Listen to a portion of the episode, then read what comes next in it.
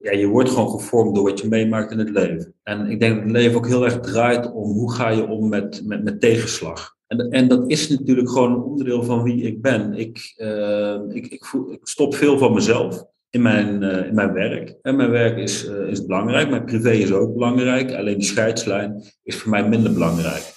Podcast De Biep is Meer gaat op zoek naar de toekomst van openbare bibliotheken en hoe zij bijdragen aan de maatschappelijke uitdagingen van deze tijd. Met nieuws uit de sector, spraakmakende gasten en verrassende thema's word je meegenomen in de wereld van leesbevordering, digitaal burgerschap en participatie. De Bibis Meer is een initiatief van Matt Gubbels die jou wil informeren en inspireren. Hij gelooft in de kracht van podcasting en het verhaal van de bibliotheek. Welkom bij deze eerste aflevering van De Bibis Meer na een heerlijke lange vakantieperiode.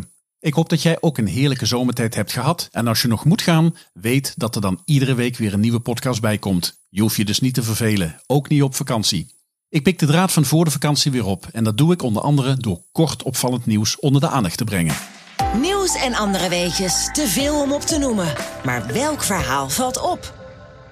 Het eerste nieuwsitem heeft te maken met de doorontwikkeling van het certificeringskader Kwaliteit in Beeld. Dat loopt aan het einde van dit jaar af, maar de werkgroep daarachter die is inmiddels zo ver gevorderd dat zij op 17, 20 en 31 oktober online bijeenkomsten organiseert om leden van de VOB en Cultuurconnectie bij te praten over de nieuwe voorstellen. Dus als je wilt meepraten over het nieuwe certificeringskader, meld je dan aan via de website van de VOB.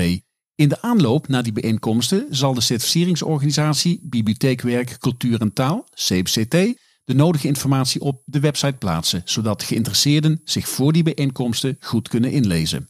Dan is er nog het nieuwtje dat via LinkedIn binnenkwam, van en over Jannie van Vught. En voor degenen die nieuw zijn in de sector, Jannie was ooit werkzaam voor de VOB en was mede verantwoordelijk voor de eerste opzet van het certificeringsstelsel binnen de sector.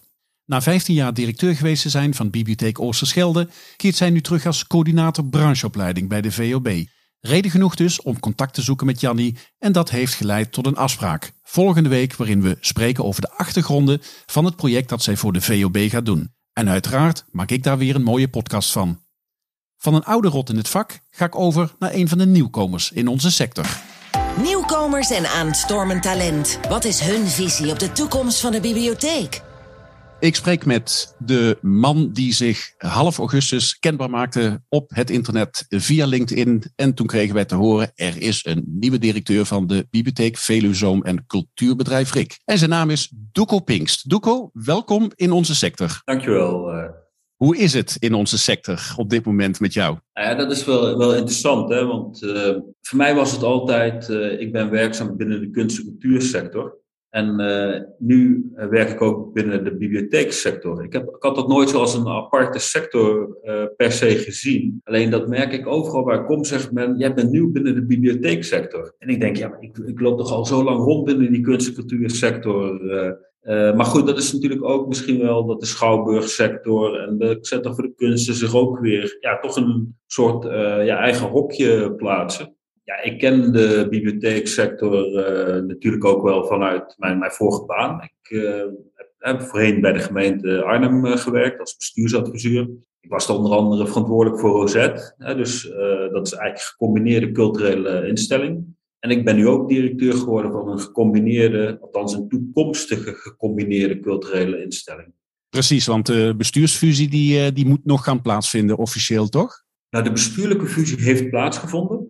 Uh, maar beide organisaties, de bibliotheek en het cultuurbedrijf, hebben op dit moment nog gewoon een eigen identiteit. Oké, nou we komen daar straks wat uh, breder en uitgebreider op, uh, op te spreken. Um, toen jouw bericht op LinkedIn binnenkwam van hi, hier ben ik dan als nieuwe directeur van. Toen werden we ook doorverwezen naar een uitgebreid interview dat RTV Connect met jou had. RTV Connect is de streekomroep van Midden-Gelderland. En in dat interview constateerde ik dat jij heel open bent over een deel van jouw jeugd. Op je elfde gaf je aan, ja, kreeg je een heel teleurstellend LBO-advies. Dat heette toen nog LBO, maar tegenwoordig volgens mij VMBO. Op je twaalfde hè, werd je seksueel misbruikt. En op je veertiende gingen je ouders ook nog eens een keer scheiden. Hoe komt het dat je zo open bent over dit soort persoonlijke achtergronden? Ja, ik denk zeg maar iedereen uh, wordt, ja, je wordt gewoon gevormd door wat je meemaakt in het leven. En ik denk dat het leven ook heel erg draait om hoe ga je om met, met, met tegenslag. dat, het, het, echte leven, ook het leven in boeken en in films. Hè, want ik bedoel, de hoofdrolspeler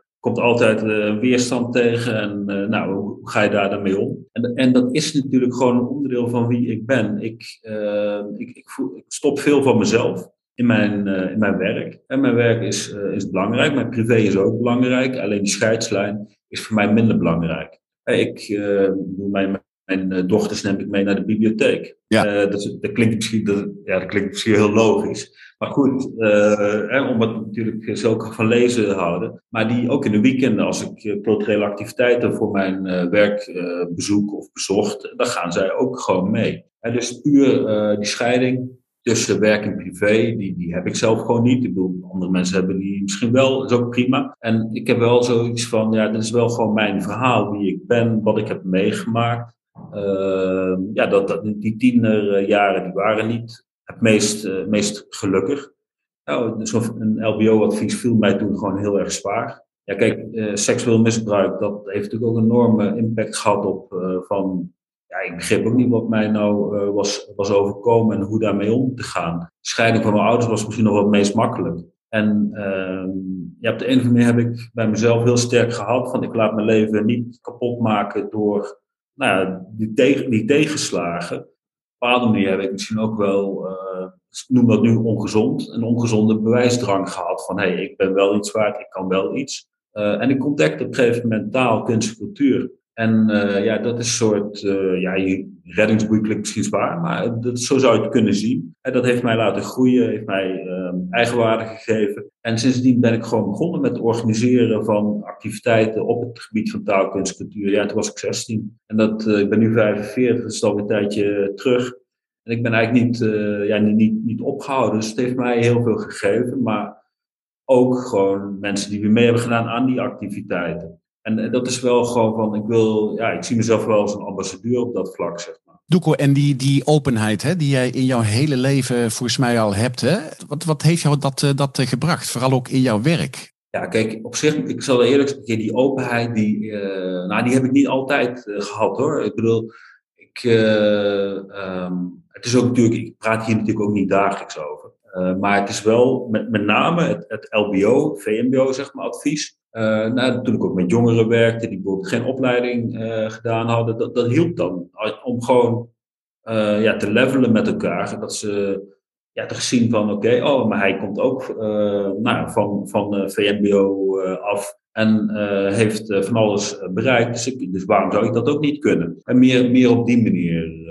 en kijk, de openheid zelf, eigenlijk bijna niemand uh, durft iets te vragen over het, over het seksueel misbruik. Hè? Dus ik bedoel, ik zet het misschien wel zelfs functioneel in. Gewoon, ik, ik, ik, vertel het, ik vind het is onderdeel van mij. Ik zit er ook niet op te wachten om het dagelijks over, over te hebben. Het is ook iets wat meer dan 30 jaar geleden is gebeurd. Uh, maar ik denk wel, als je zelf gewoon open bent over uh, tegenslag in je leven, want daar gaat het veel meer om uh, denk ik ook dat uh, anderen dat makkelijker zijn. En uh, ook in het werken, als jij je gewoon niet lekker voelt, dat niet uit, werk je waarschijnlijk met minder. Het heeft gewoon invloed erop. En ik denk, daar moeten we allemaal niet zo moeilijk over doen. Iedereen heeft een verhaal van zichzelf. Een, een verhaal is misschien net wat heftiger dan de ander. maar goed, ja, dit is gewoon, dat is gewoon het leven. En laten we daar gewoon open over zijn. Nou, en ik kan me zo voorstellen dat je hiermee ook mensen kunt inspireren. Bijvoorbeeld laaggeletterden. Hè, daar zit heel veel schaamte zit erop. Dat je hiermee ook andere mensen zou kunnen inspireren. Ja, ik heb wel, zeg maar, de eerste keer dat ik hierover sprak, met name dan over het uh, seksueel misbruik, was pas zes jaar terug in het openbaar. Ik bedoel, daarvoor heb ik wel met vrienden en familie erover gesproken. Um, en dat was toen ook wel bewust om gewoon te laten zien, ja, je kunt uh, kunt dit soort dingen kun je meemaken, maar dan nog kun je gewoon, je kunt je ontwikkelen. Uh, je hoeft je er niet voor te schamen. Uh, je, sterker nog, ik bedoel, het ligt niet aan jou. En uh, ja, dus, dus ook wel in de hoop daar mensen mee te kunnen inspireren. Of je dat doet, dat, dat, dat weet ik, uh, dat is lastig om te zeggen. Maar dat is zeker een, een, een hoop daarin. Dat VMBO-schooladvies dat jij toen uh, kreeg, was uh, teleurstellend. Maar je ging wel de bakkerschool uh, doen. Dat vind ik dan wel weer een mooi verhaal, van bakker tot directeur. Ja, ja nee, dat... ja, kijk, het was van als ik dan toch naar het LBO zou gaan... ja, dit leek mij, het was school voor consumptieve beroep in Eindhoven. En dat leek mij de, ja, de leukste opleiding. En je kreeg eerst koken, serveren, vleesverwerking en brood en maquette. Uiteindelijk specialiseerde je dan in brood en maquette. En uh, nou, dat, dus op mijn 15 had ik mijn bakkersdiploma. ja. Doe je nog iets met het bakkersschoolverleden? Bak jij zelf nog steeds? Nou, heel, heel af en toe. Het is meer van, mijn, mijn vrouw moet ik zeggen, bakt uh, meer. En als het dan uh, zeg maar niet gelukt is, dan weet ik meestal wel waar het aan ligt, zeg maar. Dus dat is meer de, ja, de adviseur ben ik dan toch uh, meer. Dan dat ik zelf heel erg uh, bak. Maar ja, goed, ik weet wel van bepaalde recepten gewoon nog uit mijn hoofd hoe dat doet. Dus, dus in die zin, dat, dat zit er wel in. Ja, leuk, leuk, leuk. Ja, ik heb zelf het bakkersvak geleerd van mijn vader. Die, uh, die, die bakte Limburgse vlaaien, kom uit het zuiden van het land. Ja, en bepaalde recepten, wat je zegt, ken ik nog steeds uit mijn hoofd. Hè. Het, het recept voor een rijstevlaai is een heel moeilijk, complex hè, bakproces. Ja, dat ken ik nog steeds. En uh, ja, ze smaken nog steeds, zou ik zeggen, de mensen om me heen. En mijn, mijn vader komt ook uit Limburg en mijn moeder komt uit Groningen. En op de een of andere manier heeft mijn moeder zich gespecialiseerd toen ik een kind was in Limburgse vlaaienbak. Die, die, en ik ben, op, ik ben geboren in uh, Olst in Overijssel. En die deed dan, stond op de braderie uh, allemaal Limburgse flyen daar uh, te verkopen. En vooral de rijste fly is mijn favoriete Limburgse fly. Nou, dan ga ik die een keer voor jou bakken als ik op bezoek kom in de omgeving Veluwezoom. Um, je hebt ook heel veel met Zweden. In het interview met RTV Connect werd daar heel uitgebreid op ingegaan. Je hebt er gewoond, je hebt gewerkt voor Loesje, je spreekt de taal en ook bepaalde muziek uit Zweden kwam in dat programma aan bod. Wat ik me nou afvroeg was, ik ben zelf ABBA-fan. Heb jij toevallig ook iets met ABBA? Nou ja, ja ik vind ABBA gewoon, gewoon leuk. En wat ik vooral met ABBA heb, is van toen ik in Zweden kwam, toen was het uh, Melodiefestival, het Songfestival. Uh, maar ik zei het net even in het Zweeds. Dat, dat, was daar zo populair. En er allemaal feestjes eromheen. En uh, gingen ze alle dat, dat kijken. En dat kende ik toen nog niet vanuit Nederland. Later heb ik dat in Nederland wel gezien. Dat het meer een ding uh, uh, werd. De Zweden hebben daar gewoon heel veel mee. En uh, ja, dan komt Abba natuurlijk altijd, altijd terug. Ja, leuk. Ja, ik ben zelf ook een fan. En op de dag dat deze podcast wordt uitgezonden, 1 september, zit ik met mijn vrouw in Londen. En dan zijn we aan het kijken naar de hologrammen van ah, ABBA. Kijk, ja. ja, dus ik ben heel benieuwd hoe dat eruit gaat zien. Kun je eens aangeven wat ABBA betekent voor Zweden als land? He, zoals voetbal heel veel betekent voor Duitsland. Nederland is natuurlijk eh, Europees kampioen geworden in 1988. En daar hebben we het nu nog steeds over. We hebben het natuurlijk ook nog steeds over de verloren finales eh, uit 74 en 78. Klopt. Uh, maar 88, uh, ja, en dat is natuurlijk ook wel, misschien dat je het zo kunt vergelijken. Het is natuurlijk iets waar je in de eeuwigheid trots op bent.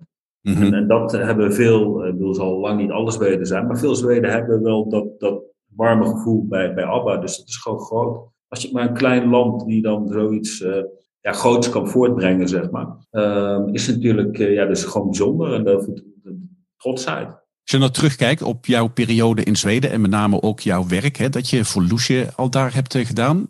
Wat heeft jou dat gebracht en wat heb je daarvan meegenomen terug naar Nederland? Wat zien we daarvan terug in jouw huidige werk? Ja, ik denk eigenlijk, uh, ik heb daar inderdaad een jaar voor Loesje gewerkt. Um, en vervolgens ben ik mijn studie in Nederland begonnen. En daarna heb ik nog eens drie maanden in Stockholm uh, stage gelopen bij het Cultuurhuset. Uh, en dat is eigenlijk het grootste culturele centrum van uh, Zweden. waar de bibliotheek, het schouwburg, jongerencentrum bij elkaar zitten. En, en dat heeft mij vooral heel veel gegeven. Ik, ik liep daar stage bij Lava, dat was het jongere deel. En dat is daar had je een, een, hoek waar jongeren een eigen tijdschriften konden maken, achter de computer konden werken. Je had er een uh, poëziehoek, je had er ook gewoon boeken, je had demotapejes, die, uh, er waren nog tapejes toen, die je kon, kon luisteren. Er waren optredens. Wat ik daar dus zag, is uh, de combinatie van functies. Het was een, ook een café. Het was dus café, er waren boeken, er waren kunst, cultuur, alles door elkaar. En dat vond ik zo inspirerend. Uh, dat ik dacht, ja, dat, dat, is echt, dat moeten we in Nederland ook uh, hebben. En eigenlijk pas jaren later zag je steeds meer bibliotheken ook die gecombineerde functies uh, krijgen. Deels, deels maatschappelijk, deels kunst en cultuur. Dat hangt er ook een beetje vanaf. Er zijn natuurlijk veel bibliotheken en voor de kunst door bezuinigingen of verdwenen of genoodzaakt te fuseren met elkaar. Er zijn verschillende nieuwe gecombineerde culturele instellingen ontstaan. Maar dat zag ik toen, dus 24 jaar terug, zag ik dat in Zweden al. En was dat daar niet zo heel uh, vreemd. En uh, dat was niet vanuit een bezuiniging, maar volgens mij gewoon vanuit de gedachte dat dat, uh, dat is mooi, dat hoort zo. En Lava, waar toen stage liep, bestaat nu nog steeds. Dat is gewoon de jongere bibliotheek slash cultureel centrum van Stockholm. En toen kwamen er van 500 jongeren per dag kwamen daar langs. En dat, ja, ik vond die combinatie taalkunst die ik daar zag, vond ik inspirerend. En toen heb ik gezegd van, nou, ik wil ooit, wil ik dat ook. Nou, en nu zit je dus uh, op dat kantelpunt in je carrière waarbij je uh, directeur-bestuurder bent van een gecombineerde instelling. Ja, ja zeker. En ik bedoel, dus natuurlijk niet, de focus is niet hierop op jongeren. En ik bedoel, Stockholm is natuurlijk grootstedelijk. En waar ik werk is links en rechts van Arnhem is dat. dus, dus, dus is zeker anders. Maar ehm, juist dat gecombineerde gewoon taal, kunst, cultuur, maar ook de maatschappelijke, de digitale overheid. Ik, ik vind dat, dat vind ik uh, mooi, omdat het, het, draait weer om gewoon ontwikkeling. He, dat mensen laten groeien, uh, mensen die misschien uh, niet digitaal vaardig zijn, daardoor onzeker zijn, bepaalde dingen niet doen.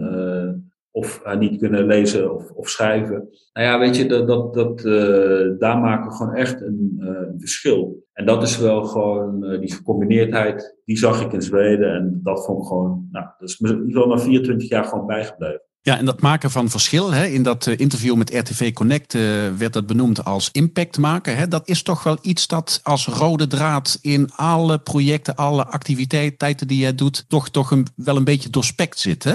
Ja, maar dat is natuurlijk ook van. Uh, je hebt gewoon, ook als organisatie, heb je gewoon een maatschappelijke functie te vervullen. Dus als je geen verschil maakt, waarom sta je dan? Mm-hmm. dus, dus dat is natuurlijk ook van. En dat verschil kan op allerlei niveaus. Hè. Ik bedoel, het kan ook gewoon dat je een boek uh, leent en door dat verhaal dusdanig geïnspireerd wordt en misschien wel een andere keuze in je leven maakt. Of dat je gewoon wijzer wordt uh, en uh, makkelijker debat kan doen. Kijk, heel veel verschil die wij, denk ik, maken ook in onze sector. Uh, die zien we niet. Die horen we niet.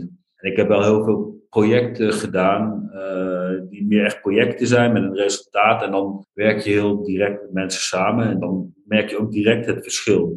Kun je een voorbeeld noemen van zo'n project waar duidelijk uit is gebleken, nou hier hebben we nu echt het verschil gemaakt, hier hebben we impact uh, gerealiseerd? Nou ja, dat is wel gewoon, een voorbeeld is dan de, de Waalsprongfilm. Dat is een uh, film in Nijmegen-Noord die gemaakt is uh, met, met ongeveer uh, 200 bewoners. En die bewoners hebben, het was in 2009, die bewoners een soort community art project. Mm-hmm. En de insteek was dat die bewoners elkaar meer zouden ontmoeten. Die Waalsprong bestond uit soort drie delen. Oud Land, Nieuw Land en Nieuw Oosterhout. En dat was, was weinig verbinding met elkaar. De gedachte was, nou, door middel van kunst cultuur kunnen mensen meer verbinding met elkaar komen. En toen hadden wij bedacht van, nou, we, laten een film maken die gebaseerd is op verhalen die mensen zelf aanreiken. Waar mensen zelf in spelen, waar mensen ook backstage gewoon broodjes smeren, alles doen. Waren wel professionele filmers en audio, dat was allemaal professioneel geregeld. Maar de rest waren allemaal gewoon ja, bewoners uit die, die omgeving. En door dus eigenlijk vijf weekenden intensief met elkaar samen te werken op zo'n filmset, ja, dan ontstaan de banden.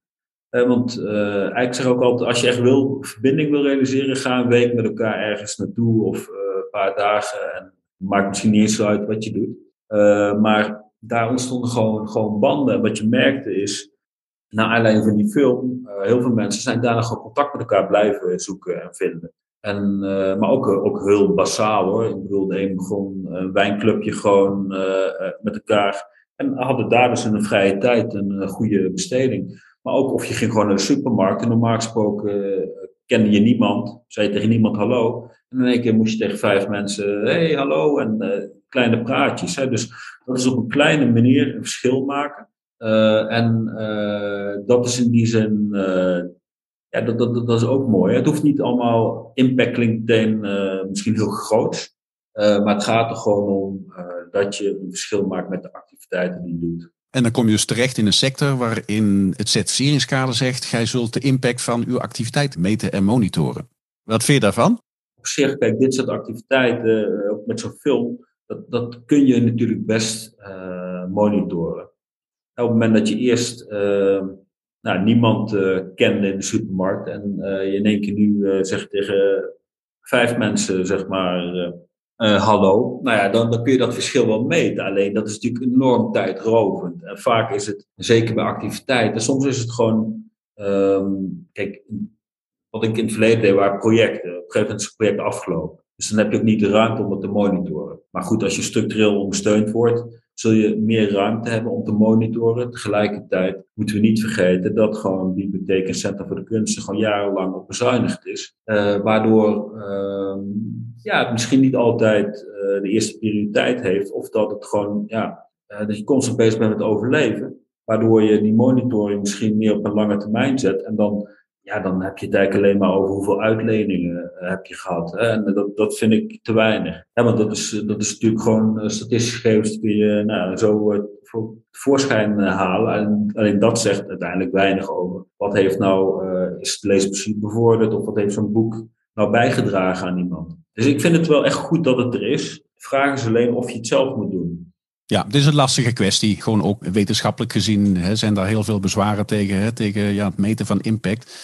Maar goed, de sector is daar wel mee aan de slag en het is een thema. Dus ik vind het mooi dat je in ieder geval het verhaal vertelt van hey, hier hebben we impact gemaakt en dit zijn ja, de dingen waaruit je dat uh, zou kunnen afleiden. Ja, maar dat is natuurlijk ook bij heel veel. Je kunt, uh, als je bijvoorbeeld een uh, cursus geeft, ja, kun je natuurlijk het beginniveau meten en het eindniveau bij spreken. Alleen, um, ik, ben ik vind ook niet dat je alles moet meten hoor. Ik bedoel, in die zin denk ik gewoon van sommige dingen hebben, die hebben gewoon een, een, waarde. Uh, en die moet je gewoon uh, zo laten. Jij bent nu directeur-bestuurder van Rick en Veluwezoom je maakte overstap vanuit de ambtenarij. Hè? Je was uh, strategisch uh, adviseur op het gebied van uh, cultuur. Waarom heb je die overstap gemaakt? Want je komt nu wel heel erg met de voeten in de klei van de praktijk te staan. ik was, ja, ja formeel was ik zeg maar senior bestuursadviseur cultuur. En ik denk dat ik als bestuursadviseur misschien wel meer in de klei stond dan menig directeur-bestuurder dus, dus dat is natuurlijk van. Uh, dus het voelt voor mij niet alsof ik uh, nu in één keer in de klei uh, sta. Ik heb altijd hele ja, nauwe banden gehad met kunstenaars, met culturele organisaties. En ook altijd gekeken van hoe kun je ook pragmatisch iets voor elkaar kijken, krijgen. Hoe kun je iets met de culturele sector voor elkaar krijgen. Kijk, de overheid ja, is er voor die culturele sector. Niet, het is niet andersom, zeg maar. ja. En dus, dus dat is in ieder geval de houding die ik altijd heb gehad. Dus actief meedenken. Uh, en um, het is wel zo van, voordat ik bij de gemeente ging werken, kwam ik uit de culturele sector. Dus feitelijk is eigenlijk, de gemeente was voor mij een uitstapje. Omdat ik benieuwd was van hoe werkt dat qua beleid, hoe, hoe werkt zo'n overheid. Uh, het was ook spannend, hè, want ik wist ook niet schoon me ja, daar gaan aarden of, of, niet. Maar dat is me eigenlijk wel goed, goed bevallen. Maar het was nooit voor de eeuwigheid. En um, dus ja, dat, uh, het voelt ook goed om weer terug bij mijn basis te zijn, zeg maar. Leuk om te horen, want menig cultuurambtenaar staat juist uh, heel ver af van de praktijk. Ja, weet je, dat is. Uh, ik, ik, kom steeds meer, moet ik zeggen, uh, gemeenten, en misschien zijn het wel, misschien wel toch wel de grotere steden, die gewoon mensen uit de praktijk willen, willen hebben, zeg maar. En Arnhem was dat ook echt bewust, dat ze op zoek waren naar iemand uit de praktijk. En ook mijn uh, toekomstige vervanger uh, komt waarschijnlijk ook weer uit de praktijk, omdat men het, het is in ieder geval goed bevallen. En dat, dat, wil men graag. Ja, en zo zien we langzamerhand ook binnen Bibliotheekland een nieuwe generatie directeuren zien we ontstaan. Mensen die echt vanuit de praktijk komen. vaak ook van buitenaf, hè, waardoor fris bloed binnenkomt. Ik vind dat wel mooi. En jij bent daar een voorbeeld van volgens mij. Is dat een vraag? Je mag het compliment in ontvangst nemen hoor. Dank u wel. Hey, maar je hebt ook uh, heel erg met de voet in de klei gestaan, want uh, toen was daar opeens de coronaperiode. Nou, dat is natuurlijk een ontzettende idiote periode geweest, met name voor de cultuursector. Hoe heb jij die sector kunnen helpen vanuit de ambtenarij? Nou, eigenlijk toen uh, de, de, eerste ja, lockdown kwam, toen hebben ja, eigenlijk meteen ambtelijk het voortouw genomen en gezegd van we moeten helderheid geven richting onze maatschappelijke organisaties. Dat uh, de subsidie gewoon doorbetaald wordt, dat we weten dat de activiteiten niet kunnen plaatsvinden. Gewoon die duidelijkheid, die moet je gewoon geven. En uh, eigenlijk binnen een week hadden wij in ieder geval het college dat laten besluiten. En dat is vrij, dat is vrij bijzonder. Binnen in die gemeenteland gaat het meestal niet zo heel snel. maar daar hebben we met een aantal collega's ja, heel snel gewoon kunnen schakelen. En dat gaf ieder geval rust.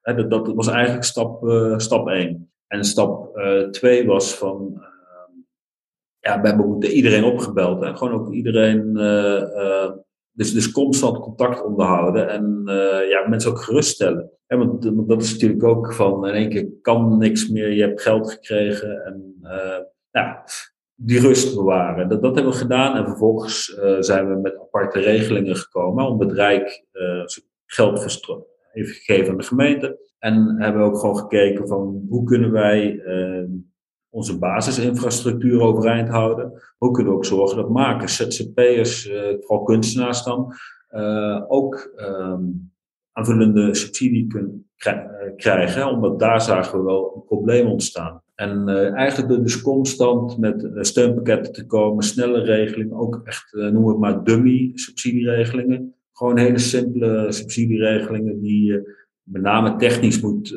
toetsen. Of als het inhoudelijk is, dan is het gewoon puur van ben je uh, nou, kunstenaar en als je gewoon een website of cv had uh, of KVK, uh, eh, dan, dan, was het goed, zeg maar. Dus dat, ja, het eenvoudig houden. De samenleving is weer open, de theaters, de cultuurfestivals, het stroomt allemaal langzamerhand weer vol.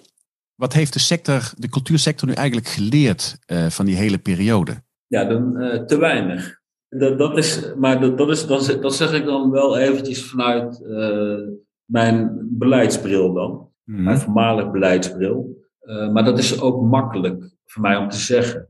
Want uh, sta daar maar als sector, je moet overleven in je organisatie, je moet je medewerkers ook uh, stimuleren en alles en al die onzekerheden. En dat is natuurlijk makkelijk om vanuit de overheid rustig te kijken van. we hadden gewoon als, als beleidsmedewerkers had ik ook meer tijd om naar lange lijnen te kijken. En ik had natuurlijk zelf niet die persoonlijke druk. En dus dan, in, in het begin zag je heel veel innovatie. En echt de eerste maanden gewoon. Maar op een gegeven moment werd de sector werd natuurlijk gewoon moe. Iedereen werd moe. Hoge ziekteverzuim ook, maar ook gewoon. Deze sector uh, draait bij uh, maken, creëren. En vervolgens uh, mogen ze niet maken, creëren. Uh, ik heb ook veel festivals gedaan. Ja, als je tegen een festivalproducent zegt je mag niks doen, diegene wordt ongelukkig. En als je dan niks kan doen, en uh, die hebben heel goed uh, alternatieven kunnen vinden, anderen minder. En, uh, dus ik snap ook wel, ik, ik zag in ieder geval de eerste maanden heel veel mooie innovaties. En op een gegeven moment zag ik van, nou, het gaat weer terug naar hoe het was.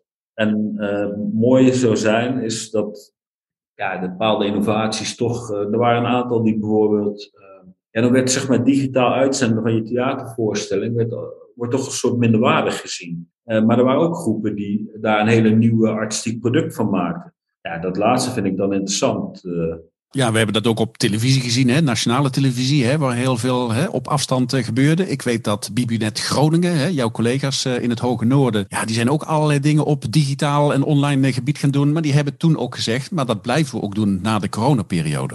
Ja, er zijn, nee, er zijn inderdaad voorbeelden die dat zijn blijven doen. Er zijn voorbeelden ook van die weer terug naar, uh, ja, terug naar hoe het was zijn gegaan. En dat is natuurlijk, en misschien had ik meer verwacht dat uh, er meer innovatie zou, blij, zou blijven. Dat kan nog hoor. Ik bedoel, ik snap ook gewoon van, ja, weet je, ik bedoel, we mogen blij zijn dat die sector er is, zeg maar, en, en weer open is. En innovatie kost nou wel een, eenmaal, ja, kost gewoon wel gewoon, gewoon tijd, kost energie, kan ook heel veel energie geven. Ja, dus ik wil ook niet te hard daarin zijn. En je doet ook gewoon wat je op dat moment kan. En ik, nou, het was in ieder geval, ik hoop gewoon dat die periode voorbij is. En dat je nu gewoon geleidelijk aan organisaties kunnen ontwikkelen en ook innoveren. Uh, Duco, gezien jouw cultuurachtergrond hè, heb ik een beetje het vermoeden dat jij meer verstand hebt van cultuurbedrijf RIK dan van de bibliotheek. Maar dat is een aanname. Maar klopt die aanname? Ja, dat hangt er vanaf. Ja, dat is een beetje van, ik, ik vertelde zeg maar over lava in, Stockholm. Ja, eigenlijk was dat misschien wel uh, een voorbeeld van de bibliotheek van de toekomst. Maar dat was 24 jaar terug. En, uh, ik heb zelf een organisatie gehad uh, waar ik heel veel deed met mediawijsheid. met, ook met film. ja, dat was denk ik 2007 dat heel veel workshops scholen gaven met film, met greenscreen, met digitale vaardigheden.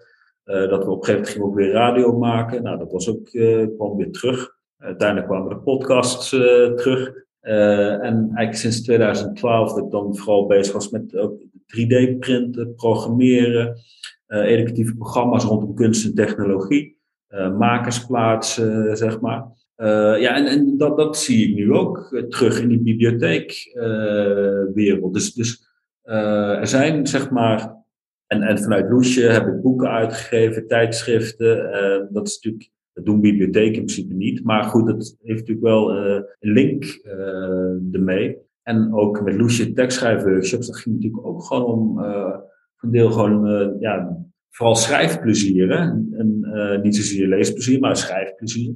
Dus ik heb heel veel dingen gedaan die een link hebben met de bieb. En ik denk juist, zeg maar, um, nou, als je kijkt naar de bibliotheek van de, van de, toekomst, zeg maar, komt dat heel mooi uh, samen. Maar als je me puur vraagt van, zeg maar, de, de van tien jaar terug meer, uh, dat dat meer gericht was op uitlenen, ja, daar, daar, heb ik minder verstand uh, van. Ik heb daar laatst een soort ja, eventjes ja, uitleg over gekregen hoe dat allemaal werkt. En dat vond ik wel heel fascinerend. Fantastisch systeem uh, die we daarvoor hebben. Doeke, je bent nu een aantal weken actief. Hè? zijn jou al een aantal dingen opgevallen binnen, binnen de bibliotheek en binnen cultuurbedrijf Rick? Nou ja, wat me wel opvalt is dat mensen dus constant zeggen, je komt niet uit de bibliotheekwereld. He, dus dat is een beetje van, ja, dat, dat vind, ik, vind ik wel grappig gewoon, omdat dan, ik vraag me dan meteen af, ja, maar wat is dat dan? Wat is komen uit die bibliotheekwereld? Is dat nog, is dat het beeld dat je ergens in de bibliotheek begint en je om, om, om, omhoog werkt? Of, uh, ja, ik, ik weet, dus, dus dat, dat valt mij op.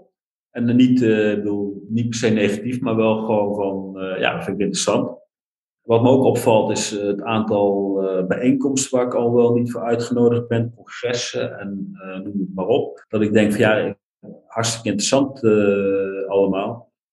Maar ja, ik heb ook gewoon een, twee organisaties gaan fuseren, zeg maar. Daar moet ik me ook op focussen. Dus dat er heel veel ieder geval aan scholing wordt gedaan. Enerzijds is het natuurlijk ook goed, omdat het natuurlijk, de bibliotheek heeft zeker gewoon een, gewoon een sterke educatieve rol ja, verder, ja, het is vakantieperiode. Dus, dus ik heb wel heel veel leuke gesprekken wel al gehad, kennismakingen. En ik laat het ook een beetje op me afkomen, moet ik zeggen. Ja, en ik denk dat de, hè, waar jij vandaan komt, in Zweden, hè, waar je eigenlijk de bibliotheek van de toekomst eigenlijk al gezien hebt. Hè, hebt kennis gemaakt met gemengde cultuurbedrijven. Ja, ik denk wel dat dit de weg is die heel veel bibliotheken nog te gaan hebben. En waar ze uiteraard al heel druk mee bezig zijn.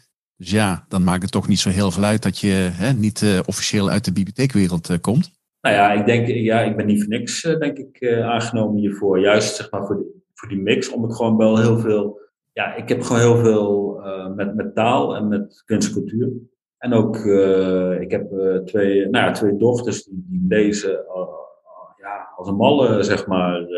En die genieten daar ook gewoon enorm van. Die komen ook zo langs hier in de bibliotheek. Omdat, ja, dat vinden ze ook leuk om ja, dat, te zien. En die, zeggen ook, die komen elke dag met nieuwe ideeën. Van, ja, je moet dit doen met de bibliotheek. En zeg ik, ho, ho, ho, ho, zo werkt het niet. Ja, maar jij bent toch de baas? Nee, zo werkt het niet. Dat, dat doen ik zo, zo, dan. Ik ben geen dictator, hè. Nou ja, eh, even om op dat laatste woord eh, verder in te gaan. Wat, wat mogen medewerkers van Rick en, eh, en, en Veluwezoom van jou verwachten in jouw, rol als nieuwe roerganger? Nou ja, kijk, dat is uh, ja, een, een, aantal dingen. Kijk, we hebben het eerder gehad gewoon over die openheid. Die vind, die vind ik belangrijk. Ik uh, ben niet uh, directeur-bestuurder die zeg maar in voor het toren wil zitten. Dus ik vind het ook gewoon belangrijk regelmatig gewoon ook gewoon op de werkvloer te zijn, te praten. Ik bedoel, gewoon te horen. ik, uh, dus dat, dat vind ik in ieder geval belangrijk. Maar het is ook wel, dat heb ik ook al wel laten weten. Kijk, al, alles wat ik doe de komende tijd, doe ik vanuit twee brillen. Vanuit, of, eigenlijk de gezamenlijke bril. En dat is natuurlijk wel van. Uh, dat, dat kan ook soms spannend zijn. Want beide organisaties hebben een eigen identiteit. En uiteindelijk ga je naar een gezamenlijke identiteit. En, en hoe je daar gaat komen, ja, daar, daar dat doe je natuurlijk met, met z'n allen. Alleen dat we naar een gezamenlijke identiteit eh, gaan, ja, dat is wel gegeven. dus dat is natuurlijk. Uh, maar ik denk ook dat er heel veel.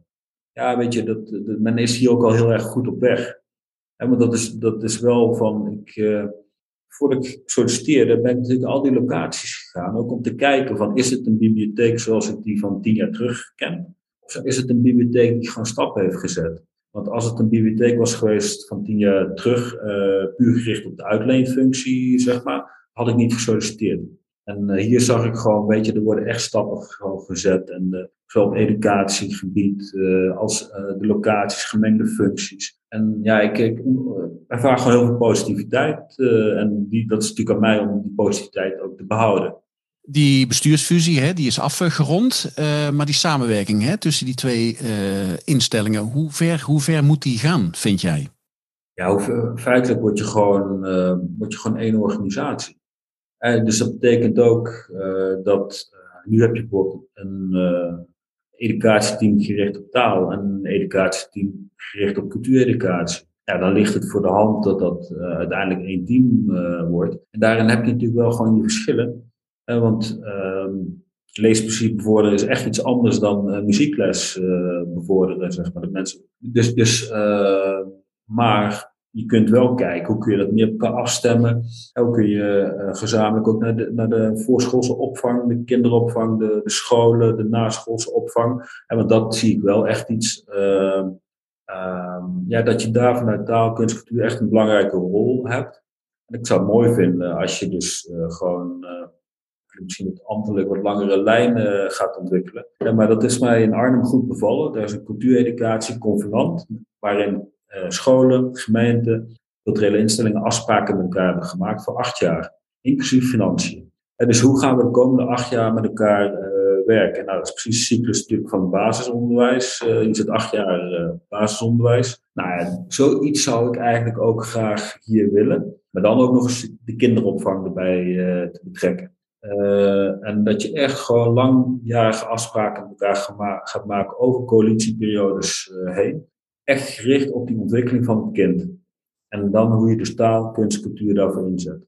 Lange termijn dus. Wanneer ben je tevreden? Oftewel, wanneer is jouw werk klaar? Ja, weet je, dat is, dat is eigenlijk nooit. He, dus dat is gewoon. Uh, en ik vind wel, je moet wel tevreden zijn, ook gewoon met, met kleine dingen die je ziet, die je bereikt.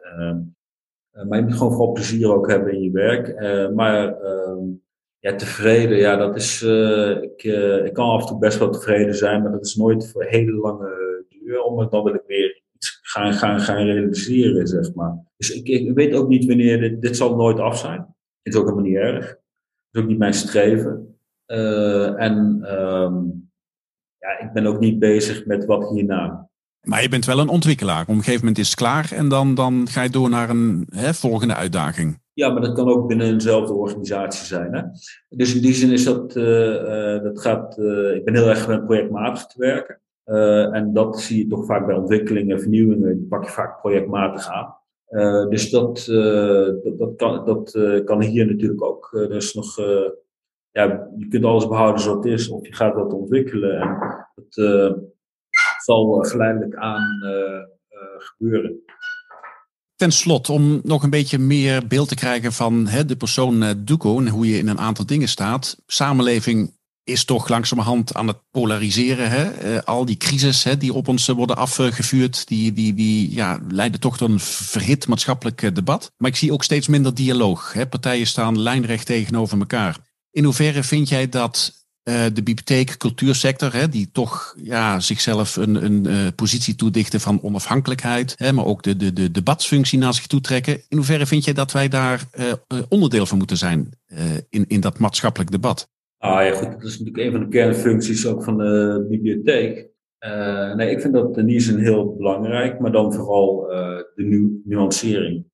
Kijk, je kunt het debat faciliteren, maar je moet het dan ook uh, zorgen, ja, juist de nuances, duiding, vanuit verschillende perspectieven zaken uh, bekijken. En daar denk ik dat je sowieso een rol hebt vanuit, vanuit de bibliotheek. En vanuit kunstcultuur ook. Eigenlijk bijna alle theaterproducties gaan natuurlijk over maatschappelijke thema's. Hè.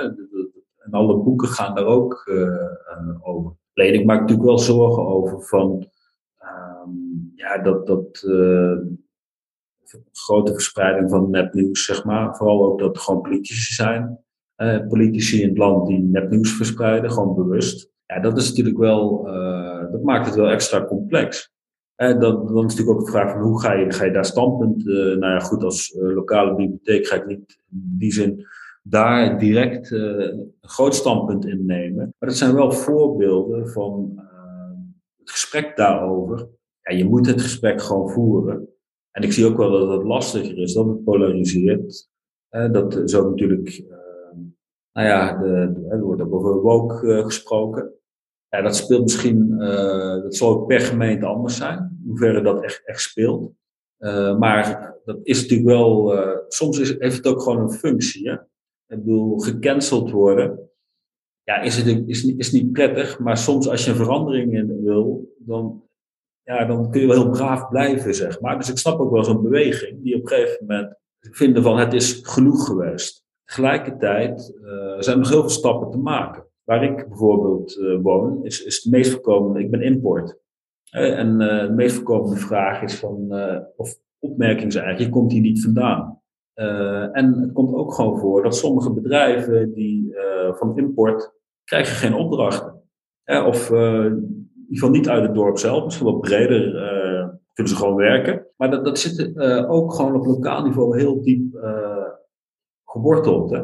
Want ook als je mij vraagt van waar kom je vandaan, dat, die vraag is vaak de tweede vraag. Eerst van je komt hier niet vandaan, de tweede is dan waar kom je vandaan. Nou, dan zeg ik, mijn moeder komt uit Groningen, mijn vader uit Limburg. de vader van mijn vrouw uit Zuid-Holland, de moeder uit Drenthe. Ik ben geboren in Overijssel, opgegroeid in Brabant. En, uh, en mijn vrouw die is geboren in Groningen, opgegroeid in Friesland. En uh, we hebben elkaar ontmoet uh, in Nijmegen. Over diversiteit gesproken, hè? Nou ja, goed, dan is het van waar, waar kom je vandaan? Ik bedoel, toen mijn ouders trouwden, ehm, ze zijn nu niet meer bij elkaar, maar goed, dat, dat was denk ik wel al duidelijk. Maar mijn vader ja, was katholiek, mijn moeder was protestant. Dat was natuurlijk een enorm issue in die tijd. en ehm, het is helemaal niet erg dat af en toe de boel een beetje polariseert, uh, clasht. Maar het kan ook zijn, soms, maar dat is ook, Nederland is gewoon ook wel verschillend. En dat bedoel ik meer van, uh, mijn dorp is gewoon heel anders dan Amsterdam. Issues die in Amsterdam spelen, die, uh, daar denken mensen misschien niet aan. Niet nu, maar misschien wel over een jaar of tien. Maar hoe sta je erin, hè? In, in, in die opkomende cancelcultuur? Hè? Je noemde het woord woke, hè? noemde je al. Ik heb daar ook een heel klein podcastje over eh, gemaakt. Ik heb een beetje het gevoel dat we in de bibliotheekwereld dat, dat een beetje proberen te vermijden. Dat we toch een beetje bang zijn om ook als sector gecanceld te worden. Nou ja, kijk, eigenlijk is het uiteindelijk onvermijdelijk dat uh, taal verandert altijd. Hè? En betekenis van taal verandert ook door eh, de jaren heen. Als ik zeg prima, en dat, dat was volgens mij ooit bijna gelijk als uitstekend. En nu nou, heeft het niet prima, ja, het heeft niet zo heel veel uh, oké, is het, uh, zeg maar. Ja, dus dus dat, uh, dat verandert altijd. Maar ook de maatschappij verandert, hoe je naar zaken kijkt. Ehm, en, en we hebben natuurlijk heel veel boeken die een bepaalde tijd zijn geschreven. Nou ja, goed, daar zullen ook woorden in staan die misschien vandaag de dag niet meer zult gebruiken. in bepaalde en bepaalde delen van Nederland misschien nog wel, maar over tien jaar ook niet meer. En dus ook als bibliotheek ga je op een gegeven moment je weer verhouden tot, uh, ja, je verhoudt je altijd hè, tot de maatschappij. Maar ook je collectie, dat kan zijn dat misschien sommige collecties bij de erfgoed uh, moeten komen staan. dus het is anders dat je zegt van ze gaan helemaal uit uh, de collectie, maar dan moet je ze weer gaan duiden. En dat, ik bedoel, de negerhut van Ome Ton bijvoorbeeld, dat was vroeger gewoon een, boek. ja, dat kan gewoon niet meer. En dus dat, uh, en, uh, en dat blijft zo. Hè. Dat, ik, doe, ik ben ook verantwoordelijk geweest voor kunst en openbare ruimte in Arnhem. Uh, nou, dat kan ook zijn dat je dus, noem het maar, vandaag de dag ja, foute kunst hebt. Omdat we een ander historisch perspectief hebben. De samenleving is gewoon veranderd. Ik vind het wel gevaarlijk om alles te cancelen. Maar soms moet je cancelen om dingen te veranderen. Ja, precies. En, en, en soms moet je ook meegaan hè, in die stroom en het debat aangaan, de dialoog aangaan. En daarbij soms ook constateren, zoals Joep van het Hek bijvoorbeeld uh, doet. Nou, sommige dingen die roep ik uh, gewoonweg niet meer. Dat, kan en dat is natuurlijk ook van, nou, ik kom vanuit, vanuit Loesje. En Loesje is ontstaan in de jaren tachtig als soort uh, tegenhanger van de doemdenken. En dat was enorme negativiteit. ook maar tegen alles. Misschien wel terecht, maar goed toch. en Lucia zit we willen op wat meer positieve manier het gesprek, de dialoog aangaan. En dat doen we door middel van die posters op, op, op straat met teksten. Nou ja, goed, ik denk dat je altijd, ja, je ziet altijd bewegingen. En ook, het kan ook zijn dat je straks een tegenbeweging krijgt tegen woke. Maar kijk, ik maak mij meer zorgen dus over polariserende politici. Ja, dat is helder, ja. Ja, daarmee is eigenlijk de cirkel rond. Loesje, uh, jij bent iemand die positieve zinnen gesteld. Jij gelooft in de vooruitgang, in dialoog. Openheid hè, is een van de hè, dingen waarvoor jij staat. Wat zou jij de luisteraar, uh, de bibliotheeksector, de cultuursector nog willen meegeven? Als je terugblikt op dit uh, gesprek dat we met elkaar hebben gehad. Ja, dat is misschien wel de meest moeilijke, moeilijke, moeilijke vraag. nee, maar ik denk van. Kom ik toch gewoon weer terug op van, weet je wat we doen, het werk wat we doen, dat gaat gewoon echt om ontwikkeling van, van mensen. Laten we dat gewoon niet uh, vergeten. Laten we ook niet uh, te rigide uh, zelf handelen of zo. als, als we een keer iemand tegenkomen die anders doet of denkt. en ehm, zorg gewoon, ja, laten we gewoon focussen op gewoon de ontwikkeling, mensen eigenwaarde geven, laten groeien door, door wat we doen. Dat, dat Laten we hem daarop eh, houden. Doeko, uh, ja, veel succes, veel, veel plezier in, uh, in, in deze sector. En ja, dankjewel voor dit uh, gesprek. Ik heb genoten van je. Dankjewel. Ja, ook bedankt. Bedankt voor het luisteren naar deze aflevering van De Biep is Meer. Heb je zelf een mooi verhaal om te vertellen? Neem dan contact op via info.onderzoekmeteffect.nl De Biep is Meer is een initiatief van Matt Gubbels. Hij gelooft in de kracht van podcasting en het verhaal van de bibliotheek. Graag tot een volgende keer.